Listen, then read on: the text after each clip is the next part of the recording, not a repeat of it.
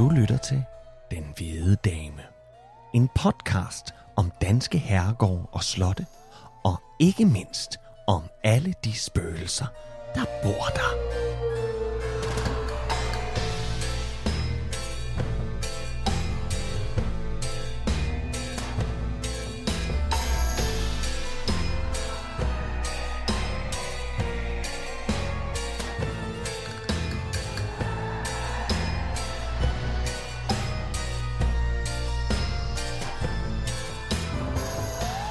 Velkommen til Den Hvide Dame, afsnit 22. Hvis du er til Danmarks historie og denne gang hekseprocesser, så skal du stige ned ad kysten og blive lige præcis, hvor du er, sammen med Trine Gadeberg og Kasper Lefebvre. Vi skal nemlig til Rugård Gus på Djursland. Men Kasper, Mm. du får lige noget af mig her.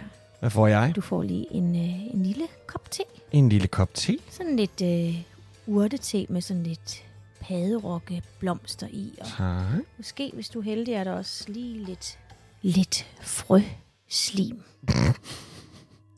Jo, tak. Og så kunne man jo så sige, Trine, at hvis nu øh, du havde serveret den her kop øh, urte for mig en gang i, lad os sige, 1700... Nej, 1617 deromkring. Mm. Og jeg egentlig ikke brød mig særlig meget om dig. Og du vidste nok også skyldte mig penge for en ko. og mit korn vidste nok også ikke havde haft det så godt her henover. Høsten var Høsten gået var galt gået galt. fejl. Så kunne jeg jo være gået til den lokale, det lokale birketing og sagt, der er noget med hende, Trine. Mm. Jeg tror, vi skal have kigget på, om hun ikke godt kunne være en heks. Og, og så, øh, så skulle der faktisk, hvis jeg var rigtig, rigtig heldig, ikke meget mere til, til at få dig øh, smidt på bålet. Og brændt. Og brændt, mm. Eller alle mulige andre ting. Men det vil du ikke gøre. Nej. Nej. Det kan jeg love dig for, at jeg ikke vil. Og man kan sige, det er, øh, nu sidder vi lidt her og laver lidt sjov med det. Dagens afsnit øh, bliver øh, alt andet end sjovt. Skal nok blive spændende, det lover vi. Men sjovt bliver det ikke. Nej. Vi skal behandle øh, Rugårds, og med det så øh, følger der øh, øh, en af de her skampletter på En, dansk en historie kæmpe skamplet, ja. ja, om hekseprocesserne i Danmark. Øh, den første og den anden, der er nemlig lidt to Mm. to store øh, tilfælde, og, og den anden og sidste bølge, om så må sige, den foregik på Rugård. Men ja, det, øh, det, øh, det kommer vi til senere. Det kommer vi simpelthen ikke udenom. Skal vi kaste os ud af det? Jeg synes, vi skal. Ja.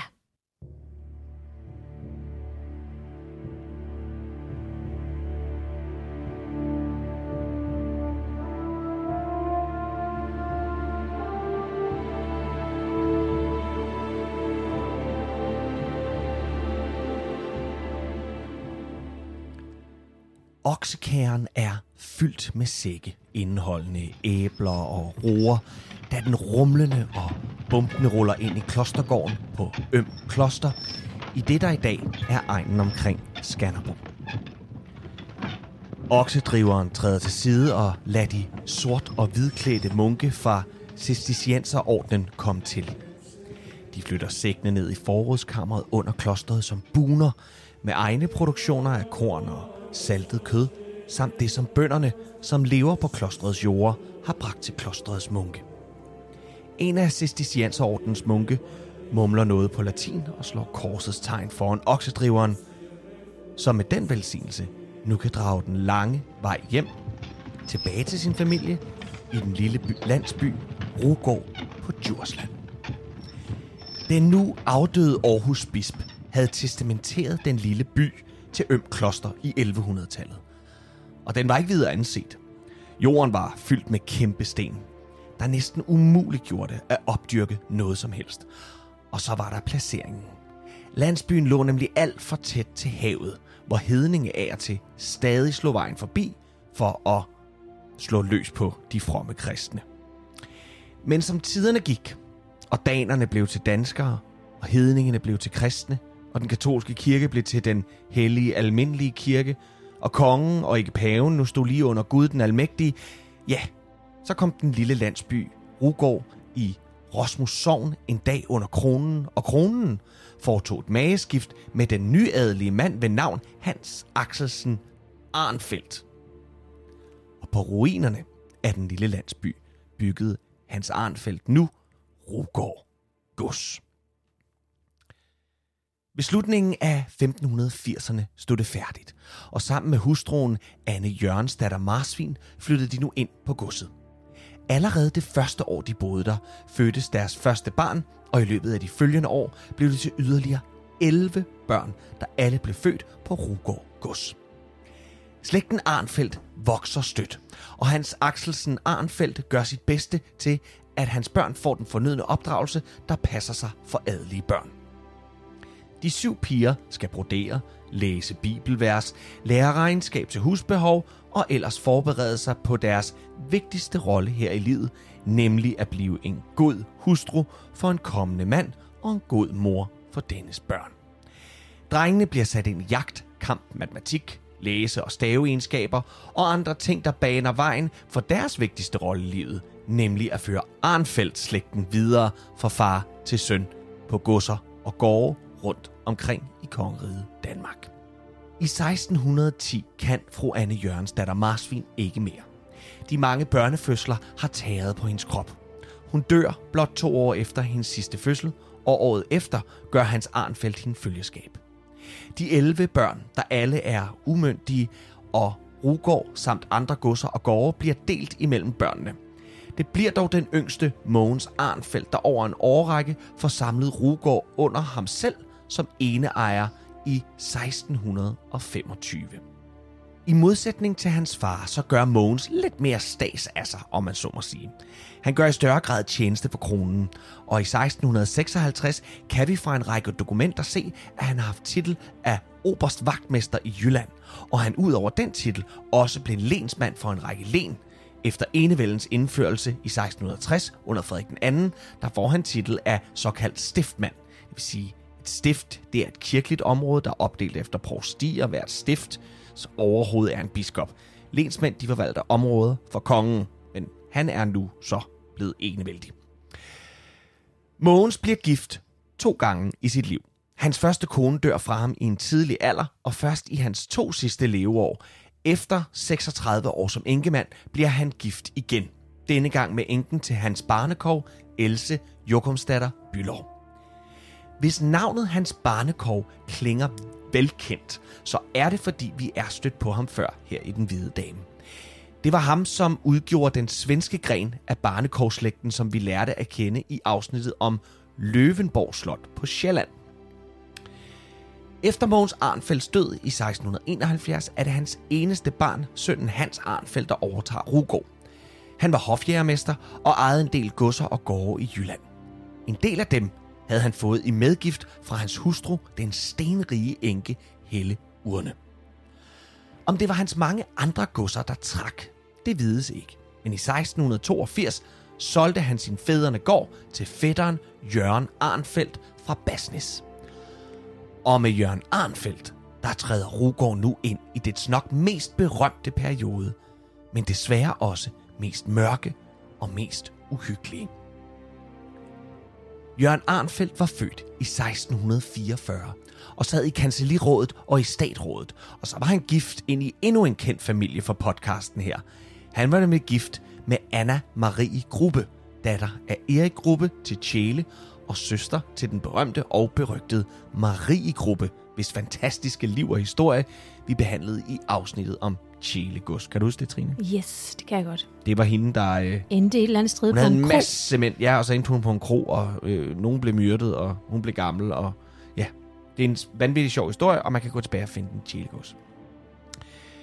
Men det var, som sagt, blandt andet Jørgen Arnfeldt og hustruen Anna Maria, der var med til, via mange beskidte knep, at forrade Chilegods til sig, og gjorde livet hårdt for den gamle Erik Gruppe, og så selvfølgelig også Marie. Men, som sagt, lyt til historien i det tidligere afsnit. Men det tegner jo som sagt ikke et særligt godt billede af Jørgen Arnfeldt. Manden med birkeretten over egnen, og som ud over at gods til sig, også var en ivrig skibsbygger, som dog var med til i sidste ende at ruinere ham. Han ligger konstant i retssager om gæld og virker i det hele taget meget optaget af ret og rimeligt. Han er dog nok mest kendt for sit virke på Rugård, som han gjorde til scene for en voldsom hekseforfølgelse. Han var besat er at komme de mørke kræfter til livs. Og Rugård har således i hans tid lagt voldgrave, søer, pladser og kældre til hans blodige eskapader, som skulle koste en del kvinder og mænd livet. Men alt det vil Trine tage sig af i hendes afdeling. Er det ikke rigtigt, Trine? Jo, det vil jeg. Jeg kan dog afsløre, at hekseprocesserne og hans skibsbyggeri, det var med til, at Jørgen Arnfeldt gik personligt og økonomisk bankerot. Han måtte til sidst sætte alle sine gårde og godser på tvangsauktion, inklusiv Rugård. Hvorefter han sejlede et af sine skibe fra København til Æbeltoft, efter han forgæves havde forsøgt at opnå økonomisk hjælp fra kongen. Han døde i 1717, gammel og fattig i Æbeltoft, uden en krone på lommen, og desværre kun med hans forbrydelse fra Rugård som eneste eftermæle. Hekseprocesserne i Danmark er, som sagt, et af de mørkeste kapitler i vores lands historie. Og fejlagtigt så tror mange, at det var kirken, som stod bag. Nok mest fordi, at vi har de her billeder i hovedet fra film og bøger, hvor katolske præster messer latinske bønder over kvinder eller mænd på bålet, som så skal brændes. Og jeg fik helt naturligt straks det her billede i hovedet fra den gode gamle film I Rosens navn, for eksempel, som, som virkelig behandler det her emne med, med den her overtro, der var i middelalderen. Ja. Og det er jo i og for sig også rigtigt. Men, men bare ikke i Danmark. Det at brænde mennesker, det har mennesket desværre altid gjort. Og det forbindes også tit med at fjerne ondskab, særligt ved kætter, som skulle brændes til aske for, at det onde forsvandt fuldstændig. Romerne gjorde det, og før det, der gjorde vikingerne det også. Alle har gjort det. Men her i Danmark, der kommer hekseprocesserne ikke så meget via den katolske kirke, og faktisk heller ikke den lutherske kirke som sådan. Men dog kommer den med reformationen og Luther. Er du forvirret? Lidt. Ja, det kan jeg godt forstå. Så lad mig lige forklare en gang. Efter reformationen, der forsøgte Frederik den anden at få ro i landet ved ikke at gå så højt op i, om vi var lutheraner eller katolikker. Kirken var blevet reformeret, og det måtte være godt nok. Nu skulle vi videre, og vi havde ikke brug for mere religionskrig her i landet. Men med Christian den 4., der får reformationen og Luthers lære en såkaldt anden bølge. Danmark bliver som land igennem Christian den 4., hvad skal man sige med et moderne ord, brandet som et luthersk land. Her er det ikke præsterne og paven, der står lige under Gud, men kongen. I 1617, der fejrer vi 100-året for Luthers reformation. Altså ikke reformation i Danmark, men da han går i gang med at reformere kirken. Og i den anledning, der kommer der en ny lovgivning, som afspejler og skal afspejle vores fromhed over for den straffende Gud. Der kom love og regler for opførsel og sågar påklædning. Og vigtigst af alt, så kom der en helt særlig lov, der forbød trolddom og såkaldt hilende trolddomskunst. Og sidstnævnte, den kom i den grad til at ramme de såkaldt kloge koner. Vigtigst af alt, så flyttede man domsfældelserne over trolddom ud i retssystemet. Det blev simpelthen vedtaget ved lov. Og på den måde flyttede man det ud til folket, ud til herre og fru bonde ude på landet, som i forvejen storpraktiserede folklore og gammel overtro. De satte, undskyld udtrykket, fod i hekseprocesserne. Og man anslår, at 60% af alle de retssager og henrettelser, vi havde i forbindelse med hekse, skete i løbet af 5-6 år fra 1617 og frem. Cirka 1000 afbrændinger i Danmark og Norge, med 700 alene i Jylland, og hvor 95% af de dræbte var kvinder. Alt sammen takket være Christian den 4.s ligedele hekse- og trolddomsforskrækkelse, og så hans og teologernes tanke om at være et luthersk land, hvor kongen, som var salvet af Gud selv, stod for at beskytte sit land og folk. Da Jørgen Arnfeldt begyndte sine hekseprocesser i 1686, er det den største heksejagt siden Christian den 4. i 1617. Men nu skal vi altså tilbage til historien og til Rugård. For efter Jørgen Arnfeldt, så bliver det hans søn Axel Arnfeldt, der køber Rugård, da det kom på tvangsauktion. Axel Arnfeldt var oberstløjtnant i hæren og ejede et par gårde i Vendsyssel, netop i det nordjyske. Der havde han mødt Anne Stykke Mülheim, som var af en fattig og ikke særlig anset adelsfamilie, så nogen stor medgift var der ikke der. Farens år på Rugård havde ikke gjort noget godt for stedets stand. Hans mange hekseprocesser havde mundet ud i et søgsmål og en kæmpe bøde, samt frataget ham birkeretten over området, og så havde der ikke været penge til at holde Rugård. Det tog Axel nu fat på, men de store økonomiske udfordringer var så svære at få bugt med. Oven i elendigheden, der brændte en af Rugårds landsbyer helt ned til grunden, og som om det ikke var nok, så blev Ladegården udsat for et decideret brandattentat, og den brændte også ned, til der kun var aske tilbage. I de næste 30 år, der kæmper Axel med Rugård, men til sidst satte hans kreditorer altså godset på aktion, og med det, så var det slut med Arnfeldt-slægten på Rugård. Det, der var lidt sjovt med, med Jørgen Arnfeldt, ikke? Mm-hmm. det var de to tårne, der var på slottet, dem kaldte han for Hamburg og Lübeck. Ja. Fordi når, da kreditorerne var efter ham, og virkelig, virkelig efter ham, og kom og skulle simpelthen have fat i alt det, der var tilbage, Ja. så sagde tjenestefolkene, at han var ikke hjemme, han var i Hamburg, eller han var ikke hjemme, han var i Lübeck. Er det ikke sjovt? Helt for dumt. Ja. Ah, ja.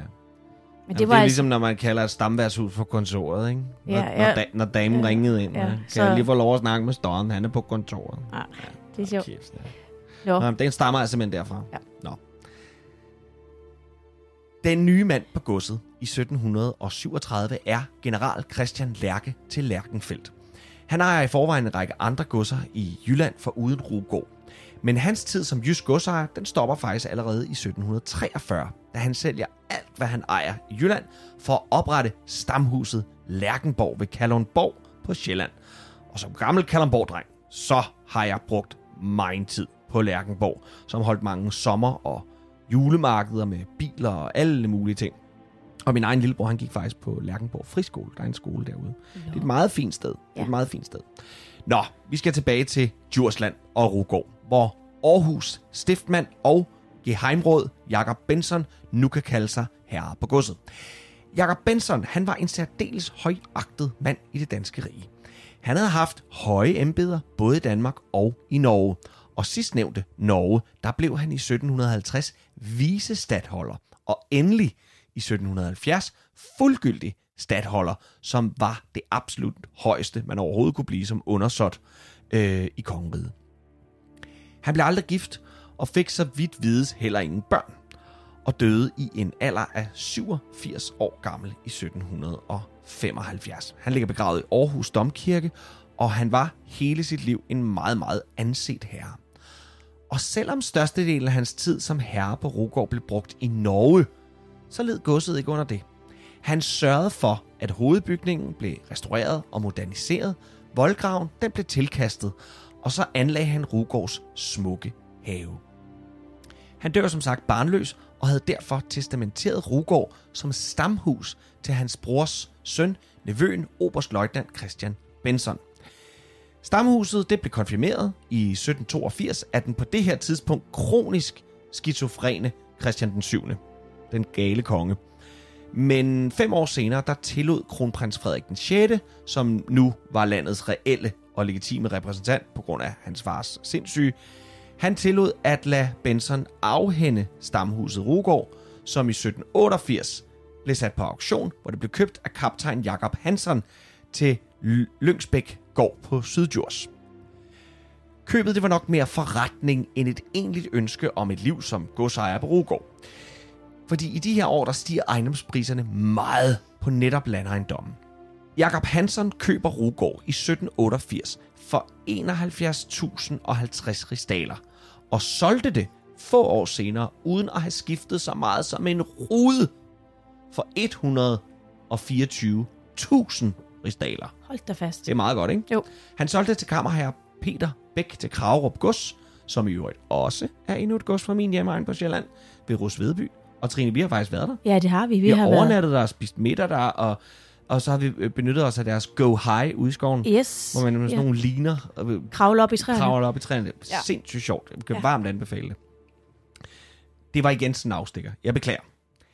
Peter Bæk, han er også med på det her med profit af salg øh, ved ejendomme, og sælger Rugård to år senere, også uden at have beskåret så meget som et æbletræ for 200.000 ristaler. Og det sælger han til rådsmand Peter Ingerslev og konsumtionsforvalter Konsumtions... forvalter Hans Peter Stockmann. En konsumtionsforvalter, det er en, der basically opkræver afgifter i og omkring en købsted, en slags toller, Aha. uden at han egentlig er ham, der går og løfter på tingene, men har folk til det, tænker jeg. Så en overtoller, Ja. hvis det kunne være sådan, øh, ish. Han sælger så til gengæld sin andel til Ingerslev nogle år senere. Hans Peter Ingerslev, som i øvrigt havde været en af hovedkræfterne til at øh, kanalisere Gudenåen, Nå, Ja, det er, hans navn er en af de figurerer ret højt på det, da man gjorde det. Han skulle vise sig at blive en dygtig godsejer og landmand, og han fik sat skik på stedet og udvidet landbruget. Han fik bugt med de mange store sten, som havde gjort stedet berømt for at være nærmest umuligt at opdyrke noget i jorden på. Og øh, så fik han sat dem til nytte ved at opføre en anselig mængde stendiger på egnen. Så når man er øh, ved Rugård egnen deromkring og ser stendiger, så kan du næsten være sikker på, at det er Hans Peter Ingerslev, der har gravet dem op af jorden. Han gravede over 100 læs sten om året op. Og alligevel, Trine, så er jorden i dag stadigvæk lidt øh, berygtet for at indeholde rigtig mange sten. det kan være, at det har været en trold på spil. Det er det. Ja. Det sad jeg nemlig også tænkt, da vi sagde det. Da Ingerslev døde i 1830, der køber sønnen Kasper Peter Rode Ingerslev stedet, men han sælger det fem år senere til svogeren Mads Johan Schødt. Grunden til salget var, at Kasper Ingerslev havde fået kig på et lidt større, en lidt større ejendom på Aarhuskanten, som han købte. Det var nemlig Marcellesborg. Det kan man så godt forstå. Ikke et ondt ord om Rugård, men hvis jeg havde mulighed for at bo på Marcellesborg, Så gjorde du det. Ja. Ja. Mads Johan Buch Schødt, han drev Rugård så dygtigt, at han i 1857 kunne sælge godset for 325.000 rigsbanksdaler. Det skifter navn nu, Ja, hva'? det skifter navn. Øh, og øh, det høje blev jo ret pænt, fordi han havde selv købt stedet i 1835 for 55.000 rigsbanksdaler.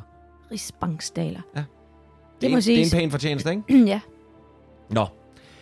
Rugårds nuværende familie gør så sit indtog på godset her i 1857.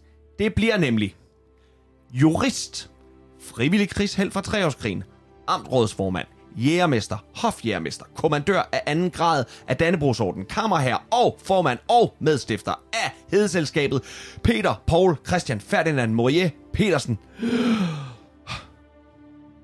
som nu køber Rugård Gods og slår sig ned. Det er flot, Kasper. det var meget. Han var en Sikkert mange betegnelser. Var sikkert visitkort. Øh, visitkortet er lige så langt som hans navn. Ja. Peter Paul Christian Ferdinand Morier Petersen. Det er et meget smukt navn. ikke? Det er det. Mm. Det er det. Havde du ikke også en Ferdinand? Min oldefar hed Ferdinand. Ja. Men han stod ikke på så mange Ferdinander. Men, men hver gang man støder på det, så tænker jeg på din oldefar. Nå, men det er fint. Ja. Jamen, hvis der sidder nogle lytter derude øh, og venter børn, Så kunne det være Ferdinand var et bud. Ferdinand er da et godt bud. Ja. Nå. Men, men altså selvfølgelig, hvis det er en dreng. Det skal jeg ikke blande mig i. Peter Paul Christian Ferdinand Morier Petersen, han var en fænomenal dygtig landmand, skovbruger og administrator. Og hvad der ikke havde været tjek på i og omkring Rogård før hans tid, det kom der nu. Det var her, han ville blive gammel og give stedet videre til generationer. Hans store kærlighed til naturen gjorde sig gældende, også på egnen omkring Rugård, hvor han blandt andet fik skabt en plantage langs stranden på over 120 tønder land. Så det er i enkelhed den øh, meget nedkogte historie om Rugård. Men, som før nævnt, så har der i en årrække hængt mørke og uhyggelige skyer over Rugård. Fortidens overtro, som kostede mange menneskeliv og bragte ulykke til egnen. Vi skal nu høre om skyggesiderne på Rugård.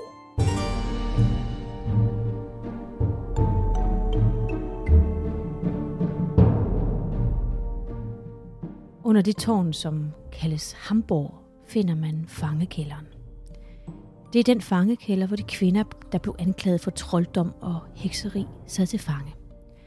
Og ved aftentiden, når månen er mødt ind på arbejde og solen har stemplet ud, så beslutter du dig for at mærke historiens vingesus ved at gå en tur i kælderen. Det er mørkt. Vel ravne mørkt. Så du får desværre ikke hjælp fra månen, for der findes ikke et vindue, ikke en lem eller en enkelt lille lyssprække, der kan hjælpe dig med at se. Du står lidt og vender dig til mørket, Du kan høre dit hjerteslag helt tydeligt, og du kan fornemme den fugtige atmosfære af kælder, som indhylder dig som en våd kåbe, skridt for skridt.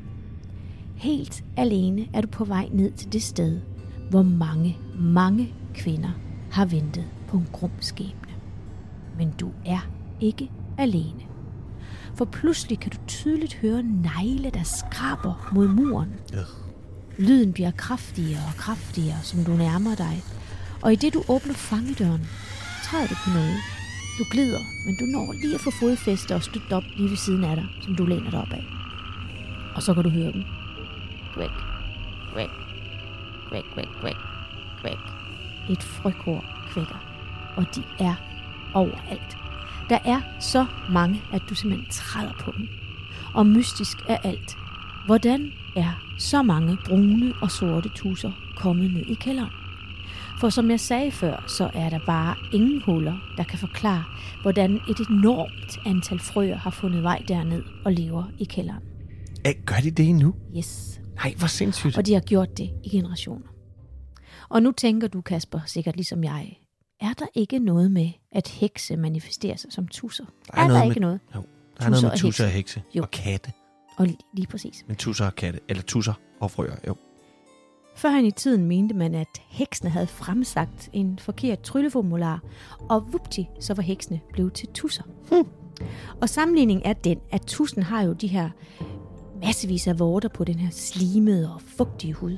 Og så går den sådan lidt sjovt, ikke? Fordi mm. ja, den vralter nærmest, og den her store krop kan fremstå som en pukkelrykket, gangbesværet heks. Men øjnene på en tusse, de er sådan, de er sådan meget store og meget smukke faktisk. Store og klare og sådan meget livlige følger de med i sådan omverdenen. Ikke? Sådan fremstiller man, man altså prototypen på en heks. Og de her klare øjne, prøv at forestille dig, Kasper, hvis du kigger lige ind i sådan en heks øjne, mm. så forsvinder du nærmest ind i dem. Måske kan du endda se din egen skæbne. Hvem ved? Ja, det kan det være. Tusser var i gamle dage forbundet med, med rigtig meget overtro og ulykke. De forgifter svin ved at suge dem, og ved berøring med en tusse kan der komme til at hvile en forbandelse på dig. Og det, det er faktisk egentlig meget naturligt, fordi nogle af tusserne er jo rigtig giftige. Eller nogle Ja, de, så hvis du rører sådan ved... noget, de har sådan noget klø. Ja. Jeg lærte som barn, kan jeg huske, at de havde noget, de har kløpulver på ryggen. Ja. Så det, så, Jeg ved ikke, hvad- men der er noget, de har noget beskyttelse der, tror jeg, af en eller anden art, så de bliver et. nej, det er Så rigtigt. øh, Så, der, så, så måske er det det, de har tænkt, at, at, der, at de begyndte at klø, hvis de rørte ved en tus. Jeg ved det ikke. Nej, men der er, altså, men jeg tror også, der er noget euforis... Sådan som jeg har forstået det, er der også noget euforiserende i det. Det, der er, det er et gift, giftstof af en art. Ja. Ved Og- nogle af dem. Ja, men euforiserende stoffer har jo alle dage, i hvert fald siden kirkens indtog, været en del af, af, af så bliver det noget uheldigt, så bliver det, det skal man holde sig fra, ikke? Ja. Så det, der er garanteret også et link der, der har siddet nogen og slikket på sådan nogle tusser. Ja, sted. sikkert ja. Men den har også gifte ånde, mente man, og den kan lamme byttet på afstand. Og hvis du skulle være så uheldig at få en tusse ind i stallen, så skulle du altså smøre køernes yver med smør. Og så skal du finde et stykke glaskår og smøre det med tjære, fordi så rejser tusen sin vej igen. Skulle du ikke have nået det, så vil tusen simpelthen dige på yveret, til det bliver dobbelt så stort og helt rødt og betændt. Og det vil ikke længere kunne give mælk, men derimod vil det give blod. Altså det blodet vil flyde ud af, af yveret. Og hvis du skulle få en tusse ind i huset, så skal du ikke dræbe dem, for du kan bare ikke vide, om det er en heks. I stedet skal du finde to halmstrå og lægge dem på sådan, altså i et kors på ryggen af tusen, og så skal du se at få, få den gelejtet ud. Tusen er skabt af djævlen, mens han endnu var på god fod med vor herre. Og da tusen var skabt, så sagde djævlen til tusen, flyv, o lærke, flyv. Og vor herre kunne godt se, at det altså ikke var en mulighed, så han rettede og sagde, nej, kryb på jorden. Og tusen har mange egenskaber inden for trolddom og heksekunst. Både den slim, men også et ganske almindeligt tussehjerte. Fordi har du hjertesover, så smører du bare syltetøj på et tussehjerte, og så spiser du det. det altså, det kurerer flux hjertesover. Jeg synes bare, det der med, at man skal snitte øh, et hjerte ud af en tusse, er, er voldsomt nok i sig selv, ikke? Men prøv at høre, alt det her, du fortæller nu, ikke også? Ja.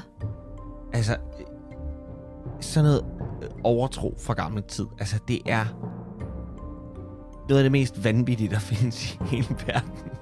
Og det er også det, som jeg sagde tidligere, og som du kommer ind på lige om lidt, tror jeg. det her med de her retsprocesser, du rykker ud. Det er altså sådan nogle mennesker. De her mennesker ude på landet, de tror fuldt og fast på det her. Jamen altså, de, Så du kan godt se, der skal ikke meget til. Jeg vil sige, hov, fik du lagt to øh, halmstrå over øh, kor, øh, på, som kors på ryggen af den tusse? Nej. Nej, det gjorde jeg ikke. Nå, jamen så kan det være, at du står i ledtog med satan selv, ikke? Ja. Hold kæft, mand. Ja. Det er helt vildt. Ja. Men det har jo været en måde at forklare, hvordan det der hårde liv på landet var. Altså lidt ligesom med fiskere blev, er meget troende på vestkysten, ikke? Altså, eller var, er, var, nok mere var. Mm. Der skulle, være en, der skulle være en mening med, at livet var hårdt. Ja. Men det der, det er simpelthen så sjovt. Ja. Fuldstændig vanvittigt. Nå, Og det, det øh, det bliver værre endnu, lægger det godt. godt op til den historie, du får her, Kasper. Ja.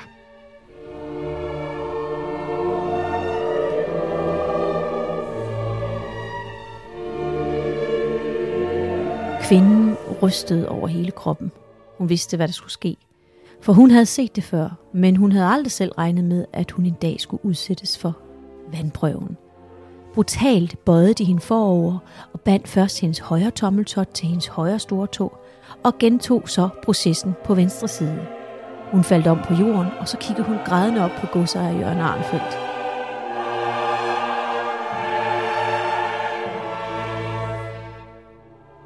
Jeg er uskyldig, jeg er uskyldig, græd hun, men godsejeren gav tegn til sine folk om at bære hende over mod voldgraven.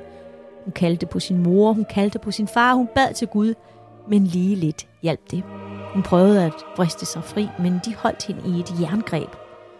Nu skal jeg dø, tænkte hun, og med en brutal kraft kastede mændene hende gennem luften, og i næste nu omsluttede voldgravens stinkende vand hende. Hendes skrig trak det kolde vand ned i hendes lunger og fyldte dem nådesløst. Flød hun, var hun heks. Sang hun, var hun uskyldig. Jørgen Arnfeldt, som du snakkede om, Kasper, mm-hmm. han er manden, der har lagt navn til Rugårds mørkeste historie. Så meget, som man ikke talte om hekseprocesserne, men om Arnfeldt-processerne. Historien er faktisk lang og en smule indviklet. Arnfeldt er ikke manden, der starter processerne, og han er heller ikke sådan synderligt optaget af hekse og mørke kræfter, da de sidste heksejagter i Jylland øh, gik i gang. Men her er i grove træk, hvad der skete. En lang række anklager og retssager i omkring Æbeltoft havde dømt Mette Nilsdatter og otte andre troldkvinder og mænd til bålet.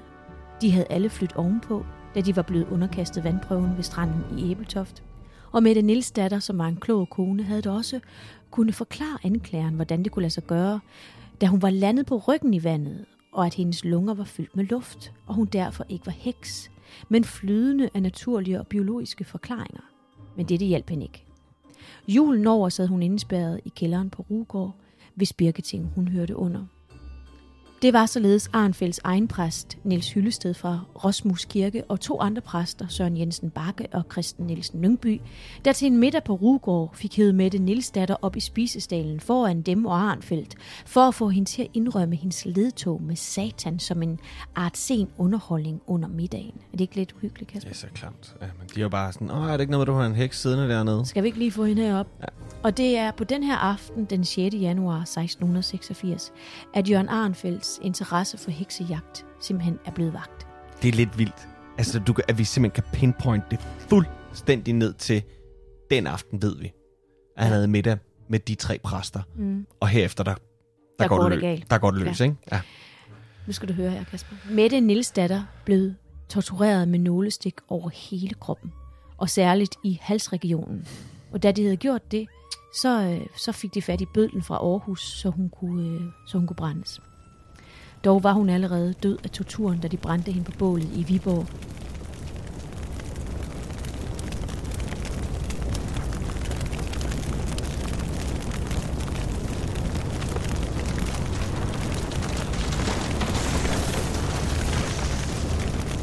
Og bøden tog hjem med sine 19 riksdaler.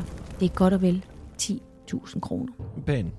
I 1686. Det er mange ja, penge. tjek. Men de, ja, bødler tjente ret godt, men det var del med os Et et, hårdt. Øh, hårdt erhverv, Ja. og det var ikke noget, altså det var ikke, øh, det var ikke fint. Og de havde travlt. Bødel var noget, der gik i arv fra, i familie. Mm. Fordi at erhvervet var øh, både så hårdt, men også fordi det var ikke noget Du var ikke en fin mand i byen som bødel. Du havde ikke noget med nogen at gøre.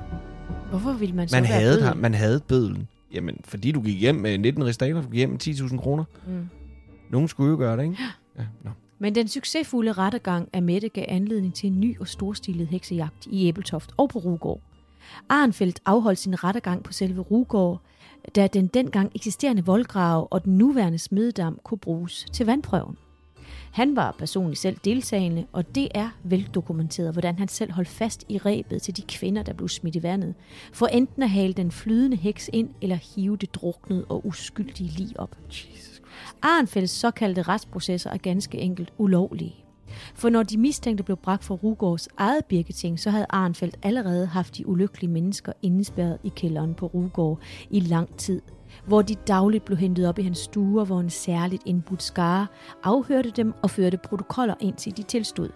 Med andre ord, så svarer det til, at man i dag, inden man kommer for en dommer, allerede har fået ført en sag imod sig i et afhøringslokale uden advokat og bisidder. Og når tilståelsen var i hus, så blev de ført for Birketinget, som også foregik på Rugård, hvor rettens ansatte alle er på Arnfelds lønningsliste som en del af Rugårds birkeret. Så de har allerede tilståelsen, inden den reelt kommer for, Retten. for Birketinget. Ja. Det er godt tænkt. Normalt tog hekseprocesser i retten i Danmark med retsmøder og afhøring, det tog flere måneder. Øh, på Rugård tog det, gætte, Kasper, En uge? to dage. Nej. Arnfeldsprocesserne fik dog heldigvis en vis form for retfærdig udgang med sagen mod Anne Sørensdatter. For Anne var en meget klog kvinde og benyttet for hendes lægekunst, men vigtigst af alt, så var hun efter sine synsk. Der findes flere beretninger om, hvordan hun både har, har fundet sølvskatte, bortkommende ejendele øh, og sågar dyr og mennesker. Det måtte jo gå, som det går med den slags evner. Anne Sørensdatter blev anklaget for hekseri og trolddom og kom i Jørgen Arnfelds varetægt, og der blev hun pint og pladet, til hun tilstod sin gerning. Men Vigtigst af alt, så blev det trolddomskunster, der fældede Arnfeldt, for i et forsøg på at undgå flere pinsler og bålet, begyndte hun nu at navngive folk. Men ikke bare tilfældige bønder og andre kloge koner. Nej, hun angav rigmænd og andre højt placerede mennesker fra det bedre borgerskab i blandt andet Æbeltoft, Greno og Aarhus. Men Arnfeldt, som troede fuldt og fast på, at Satan agerede igennem denne kvinde, så det som en mulighed for at bruge den ondes magi til at fælde flere troldkarle og kvinder. Og det skulle han aldrig have gjort. For rygterne om den ivrige heksejæger og hans tvivlsomme metoder fra Rugård var bestemt også kommet til Greno, Aarhus og Æbeltoft.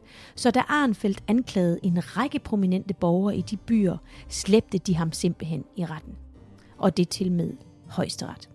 Her blev Jørgen Arnfeldt dømt for æreskrænkelse og blev også idømt en bøde på, hvad der i dag svarer til 500.000 kroner. En pæn chat.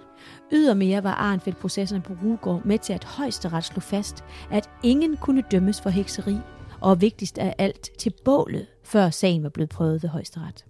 Det medførte, at man få år senere officielt brændte den sidste heks i Danmark, nemlig den 74-årige Anne Palles. Det var i 1693. Anne og hendes mand var blevet tvangsflyttet til en forfalden ejendom, fordi herredsfuden skulle bruge gården, de boede på. Hun blev så rasende, Kasper, at hun pissede ondskab i porten ind til gården. Hun tager sådan noget og pissede i porten. Yes. Ja.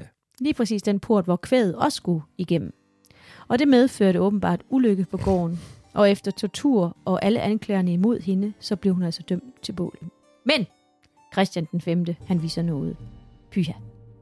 Han beslutter sig for at halshugge hende, lige før hun skal brændes. Nej, det var pænt Ja. godt. Ja, det jo... Dog blev mange kvinder lokalt og uden for retten altså lynchet, øh, det vil sige hængt, for, hekse, øh, for hekseri helt frem til 1800-tallet. Wow. Det er langt, ikke? Jo, Det og, er fandme vildt. Ja. Det er fandme vildt, når man tænker på det. Men altså, hey, i dag, den dag i dag, de brænder kvinder, og der, der brænder man altså hekse stadigvæk i dele af Afrika. Ja, det gør man. Øh, der tror man på det. Ja. Øhm, og der har også været den der dokumentar med heksebørn. Og der er den der kvinde, der hjælper dem dernede. Ja. Hvor små børn bare går rundt på gaderne, fordi folk mener, de er forbandede og Ja. ja. har onde dæmoner i sig og sådan noget. Så vil de ikke have noget med dem at gøre. Men de brænder stadig folk på bålet. det gør de. Jesus, mand. Nu sagde jeg godt nok kvinder, det kan jo også godt være, der er mænd i blandt Ja, ja, selvfølgelig troldkarle. Ja. Hvad angår Anne Sørensdatter, så undgik, øh, hvad angår Anne Sørensdatter, så undgik hun bålet. Hun blev dømt for løgnagtighed, og som straf, der fik hun det, der hedder kagestrygning. Mm. Øh, kagen, eller sådan en skamstøtte, er en pæl, som den dømte bliver lænket til, og herefter pisket eller brændemærket. Ja. Anne Sørensdatter, hun blev pisket og landsforvist, og hvad der er blevet af hende, det ved man simpelthen ikke. Jørgen Arnfeldt, han øh, gik få år senere, som du beskrev, Kasper, falit. Mm. Hans store bøde og dårlige rygte samt en masse katastrofale forretninger på skibsbyggeri sendte ham altså nærmest på fattigården. Et sidste ynkeligt forsøg på at få genoprejsning skete, da Arnfeldt forsøgte at få kongen til at slå ham til ridder af første grad, hvilket kongen afslog, fordi han ikke fandt Jørgen værdig. Det resulterede i, at Jørgen fik fremstillet en kæmpe guldkæde til 1200 rigsdaler, som han gik rundt med, for at folk skulle tro, at han var noget. Men altså, alle vidste, hvem han var, og de vidste også, at han var en slagenmand. Tilbage står de triste og blodige tal for Arnfeldts-processerne på Rugård. Jørgen Arnfeldt førte 24 trolddomsprocesser, hvoraf de 10 førte til henrettelser på bålet. Men vi kender til i hvert fald to tilfælde, hvor kvinderne, der var blevet anklaget, tog deres eget liv af frygt for torturen på Rugård. Og hvilken tortur de skulle igennem, Kasper. Mm. Vi har jo nævnt øh, vandprøven. Ja. Men her kommer også nogle andre øh, prøvelser fra, fra en bog, som hedder Heksehammeren. Eller på latin, så hed den Malleus Maleficarum. Jeg ved ikke, ja. om jeg udtaler det rigtigt. Det lyder meget rigtigt. Ja. En instruktionsbog fra middelalderen, som angav øh, retningslinjer for, hvordan man kunne afsløre og retsforfølge hekse og trolddom. Og den blev trygt i flere og flere oplag og blev mere og mere øh, populær og anerkendt i flere kredse. Og her nævner jeg blot nogle af, af prøvelserne fra bogen. Der er øh, vægtløsprøven. En mand, han anslog øh, forbryderen, heksen, troldmanden, eller hvad man nu var, til en vis vægt. Så vejede man hende. Vejede hun mindre end det anslået, så var hun en heks. Jamen, helt ærligt. Jamen, ja, altså, det, det, det, er det er jo Monty Python, altså, og den der Quest for the Holy Grail. Ja. De har ikke engang behøvet at lave det sjovt, da de Nej. laver det. Der, der er også den der, hvor de vejer det samme som en gås og sådan noget. De laver den. De har ikke engang prøvet at gøre det sjovt. Nej. I Holland, der fandtes de berømte heksevægte. Og man kunne altså få sådan et vægtcertifikat. Hvor... Så du sådan var den, der sådan kunne, øh, var dygtig til at, Ja. køre de der vægt-ting der. Så, ja. Ja, det er så vildt. Og så var der også ildprøven. Altså man bandt glødende jern eller kul til den anklagedes hænder. Og nu skulle de så gå et øh, antal skridt. Og kunne de fremvise uskatte hænder efterfølgende uden brændemærker, så øh, var det beviset på, at man var uskyldig. Jamen, det er jo helt umuligt. Altså, Det er jo helt øh, den der, hvad hed han? Det er der ingen den gamle mennesker, der munk, der, der, hvad hed han? Pol, pol, polo, polo, po, det er der no, nogen, der kan huske. Men der er sådan en også, der er sådan en, en gammel historie, hvor han kommer til de danske vikinger, som også giver ham glødende jern i hånden, og siger, hvis du kan gå uden, at du har, så har du en god gud, og så efter sine så skulle der ikke være sket ham noget. Så det er sikkert bare en ting, man har taget derfra og tænkt, nå ja, det kan vi så også gøre. Ja. Mm. Så var der også den her kedelprøve, som var nogenlunde det samme faktisk. Der var bare kogende vand, som de skulle stikke hænderne ned i. Der var tåreprøven. Man pinte den anklagede på alle mulige lederkanter, og hvis de ikke fældede en tåre, så var de i pagt med djævlen. Men nu er det således, at øh, vores tårkanaler, de virker simpelthen ikke, når man bliver udsat for ekstrem tortur. Det er først efterfølgende, at smerterne kommer, og, og, og der også, hvor, hvor Fordi sætter. man går i chok, simpelthen. Ja, man går i chok, og så sætter gryden ind. altså. Og så er der nåleprøven. Det var den der, øh, Ja, det ja, hun den. blev udsat for med, med prikker i halsen ja. der. Ja. Man afklædte den anklagede og øh, barberede hende over hele kroppen. Og så blev hun strakt ud på pinebænken, og med en nål stak de så øh, kvinden eller manden overalt for at finde et punkt, hvor, hvor vedkommende var følelsesløs. Øh, og man finder faktisk sådan nogle følelsesløse steder på ens krop, når man bliver udsat for stærk tortur og psykisk overbelastning, fordi jeg tror bare, at kroppen siger, øh, jeg, jeg har lige brug for et pustrum her nede ved venstre knæ, eller Ja. sådan er det bare. Ja, jamen det er det. Og det er jo fordi, man mener, at de der følelsesløse områder på kroppen, det er djævlemærker. Det er der, djævlen har rørt dem. Ja, det er jo også der, hvor de leder efter modermærker og sådan Ja, ja modermærker er også sådan noget. Men prøv at forestille, hvilken psykisk overbelastning de har været udsat for, altså, altså egens øh, had, altså. Ja. Og, og, og så kom de i et fangehul, Kasper, hvor, hvor de simpelthen bare sad for lud og koldt vand, Ja. ja. og, og, øhm, og prøv at se sådan en udsigt, der ventede dem. De vidste, at de skulle brændes, eller altså, Der er ikke noget at gøre. nej. Og der, der er ikke noget... Altså det... Og jeg tror egentlig også... Altså nu, nu, det er sådan min egen fortolkning. Men når vi kigger på de der øh, rigmænd fra øh, Aarhus og Æbeltofter og Grenå, der reagerer øh, på Arnfelds anklager, der er det selvfølgelig et... Det har vi altså ikke gjort. Men jeg tror altså også, det handlede om, og de har jo så haft pengene til os, altså- altså... Det handlede simpelthen om at slå så hårdt tilbage igen. Fordi det der, det var alt ødelæggende. Altså et selvfølgelig værst tilfælde, de kunne miste livet. Men når først sådan nogle anklager var, var givet, ikke? Det, er jo, det er svært at komme tilbage fra. Det er Altså, ligesom det er de her shitstorm, vi har i dag. Lige præcis. Altså, altså, det er jo derfor, man stadig kalder det en heksejagt i dag. Når noget, når, altså, det, det, det, det er umuligt at komme tilbage fra. Hvis du først er blevet hængt ud på internettet af, for forskellige ting, eller du har begået en forbrydelse, og alle ved, hvem du er, så, så er det næsten i dag så godt som umuligt at komme tilbage fra det, medmindre du bliver frikendt for det, og man finder ud af, at det ikke var dig. Ja. Og selv der, der hænger det fast på dig. Ja. Så man kan sige, det offentlige bål i dag, det bliver du i hvert fald brændt på, og det er lige så ødelæggende. Ja. Det er frygteligt. Ja. Det er frygteligt, frygteligt, frygteligt. Men det var altså lidt om den mørke historie på Rugård, Kasper. Og ved du hvad? Jørgen Arnfeldt kan du stadigvæk møde. Han går Nå. rundt på Rugård med, med hovedet under armen Ja. om natten. Det gjorde han sgu også i livet, gik rundt med hovedet under armen. Det er helt sikkert, mand. Han går og leder efter en skat. Ja. Fordi savnet siger, at han begravede en skat ned, da myndighederne kom for at gøre stedet op for alle de bøder, han skulle betale. Og i 1968, der fandt man faktisk en sølvskat på egnen med 29 kilo mønter og en masse, masse smykker. Ej, hvor sjovt. Så noget tyder altså på, at der er en grund til, at han render rundt og leder Jeg skal have fundet min øh, metaldetektor. metaldetektor frem. Men øh, Kasper, vi har noget ret sjovt med den her, øh, i det her afsnit. Det er rigtigt, ja. Ja, vi det er har rigtigt. en, øh, en vaskeægte, vaskeægte lytterhistorie Ja, fra området omkring Rugård. og det var jo fordi, vi nævnte sidst, hvad det var, det næste slot skulle være. Ja. Og så har øh, Susanne Mm. fortalt en historie. Ja. Og øh, det kan jo være, at nogen har en klar, når vi fortæller, hvad det næste øh, afsnit er til næste Ja. gang. Så Ja. kan det jo være, at vi har den med. Nå, fortæl Trine. Øh, den kommer altså fra Susanne, og selvom den ligger 35 år tilbage i tiden, så står den altså stadig lysende klart i Susannes sind. Susanne og hendes daværende kæreste besøgte kærestens ven i sommerhus i Hyllested på Rugård Egnen. Sommerhuset lå klods op af Hyllested Kirke, og når vennen gravede i haven, fik han mere end kartofler op, fordi der lå også øh, ofte menneskeknogler på skovlen. Fordi kirkens gamle del af kirkegården må have ligget i sommerhushaven. Ja. Den slags er bestemt ikke unaturligt, når man bor ovenpå historien. Øh, var det ikke noget med, Kasper, du også øh, i din barndom boede på noget Uh, historie? ungdom, om så må sige. Mit, inden jeg flyttede hjem fra, jo, vi boede i Kalundborg, og øh, vores baghave, øh, den lå i sådan nogle plateauer. Og det var det, fordi det var dele af den gamle Kalundborg. Nej, undskyld, ikke af den, del, af den gamle bymur. Mm. Ikke af selve Kalundborgen, men af den gamle bymur. Og det var dog ikke menneskeknogler, men alt, hvad man ikke skulle bruge inde i byen, det har man kylet ud over. Så da vi gravede ud nede i kælderen til, jeg havde værelse nede i kælderen, der fandt vi, øh, jamen altså et hav af knogler. Men, øh, men det sjove var, at vi fandt mange sådan noget, for eksempel sådan noget vildsvineknogler. Vi fik dem fundet ud af, hvad det var. Øhm, og det er bare fordi, det har man så haft på det tidspunkt øh, i landet, og har et, og så er de røget ud over der. Hundeknogler og tænder og ja, alt muligt. Så, Ja. så jo jo, det ligger derude. Men Susanne og hendes kæreste skulle altså sove i stuen ved siden af den gamle kakkeloven, og her måtte vennen lige advare.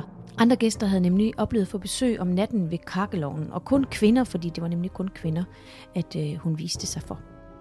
En kvinde i gamle klæder viste sig nemlig ofte ved ovnen, og når de kvindelige gæster fik øje på hende, henvendte hun sig til dem og sagde, Jeg skal brændes, de vil brænde mig. Og så forsvandt hun. En anden gæst havde oplevet hende hver nat under et besøg, så hun til sidst måtte sove ude i bilen, når hun var gæst i sommerhuset. Da. Heldigvis oplevede Susanne ikke dette fænomen, men takket være vennens historie sov hun ikke meget under besøget. Den dårlige nattesøvn mundede ud i, at Susanne og hendes kæreste fik soveværelset, og vennen sov i stuen, og det skulle så gerne give nattero, men det gjorde det ikke. Midt om natten vågner hele huset ved, at Susanne panisk skriger fra soveværelset. Her er nogen! Her er nogen! Der var intet at se, da de øvrige beboere fik tændt lys og kom hen til undsætning. Men det, som Susanne havde set, var, at der i fodenden af kærestens seng sad en mand. Nej. Åh. Han var iført lange ridestøvler, en frakke af noget brunt lærred, og på hovedet havde han en filthat.